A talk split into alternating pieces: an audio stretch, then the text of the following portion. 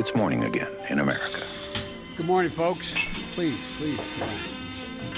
Come on, let's go. Let's go get some coffee. Thank you very much. God morgen. Det er mandag 16. oktober, og morgenkaffen fra amerikanskpolitikk.no er servert. I helgen ble nok en gang Values Water Summit arrangert i Washington DC, og Donald Trumps tidligere sjefstrateg Steve Bannon lovet å utfordre alle republikanske senatorer som ikke offentlig fordømmer angrep på president Trump.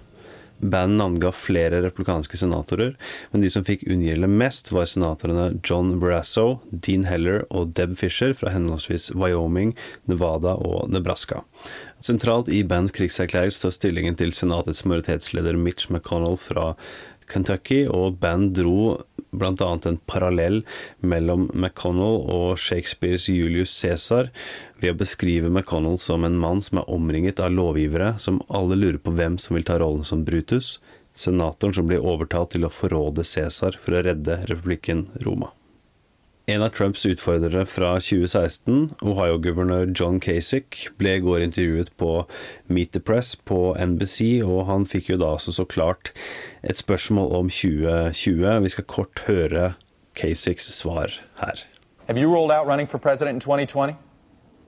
Chuck, I don't know what I'm going to do tomorrow. Uh, you know, I will tell you this. The other day, with all the chaos going on, my wife said to me one morning, she said, You know, John, I wish you were president. That's how I knew the country was in trouble. Well, there you go. Boy, there's an anecdote that a lot of people will use to say, Governor. Og mens John Kasich var en av de kritiske røstene til Trump som deltok på søndagsshowene i går, så hadde Trump-administrasjonen sendt ut en rekke av sine egne for å tale presidentens sak. En av disse var utenriksminister eh, Rex Tillerson, som har vært mye i media i det siste pga. uenighetene innad eh, med Trump og ryktene om at han var på vei ut av administrasjonen. Han tok turen for å si at selv om han ofte kan være uenig med presidenten, så jobber han aktivt eh, og alltid for å implementere det presidenten bestemmer seg for eh, til slutt. Um, og som vi her skal høre fra um, CNNs State of the Union, så fikk Tillerson da også spørsmål eh, om en kommentar fra Tennessee-senator Bob Corker sent i forrige uke.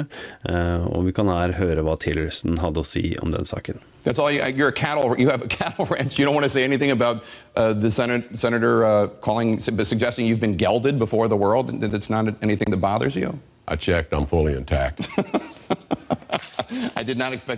Dagens utgave av Morgenkaffen er servert av Per Åsmund Reimert og undertegnede Are Togflaten. Du finner Morgenkaffen i Spotify, iTunes og andre podkast-apper sammen med Ampolkast. Tirsdag morgen kommer vi med episode 92. Veldig hyggelig om du abonnerer på begge podkastene fra amerikanskpolitikk.no. Og så snakkes vi i morgen.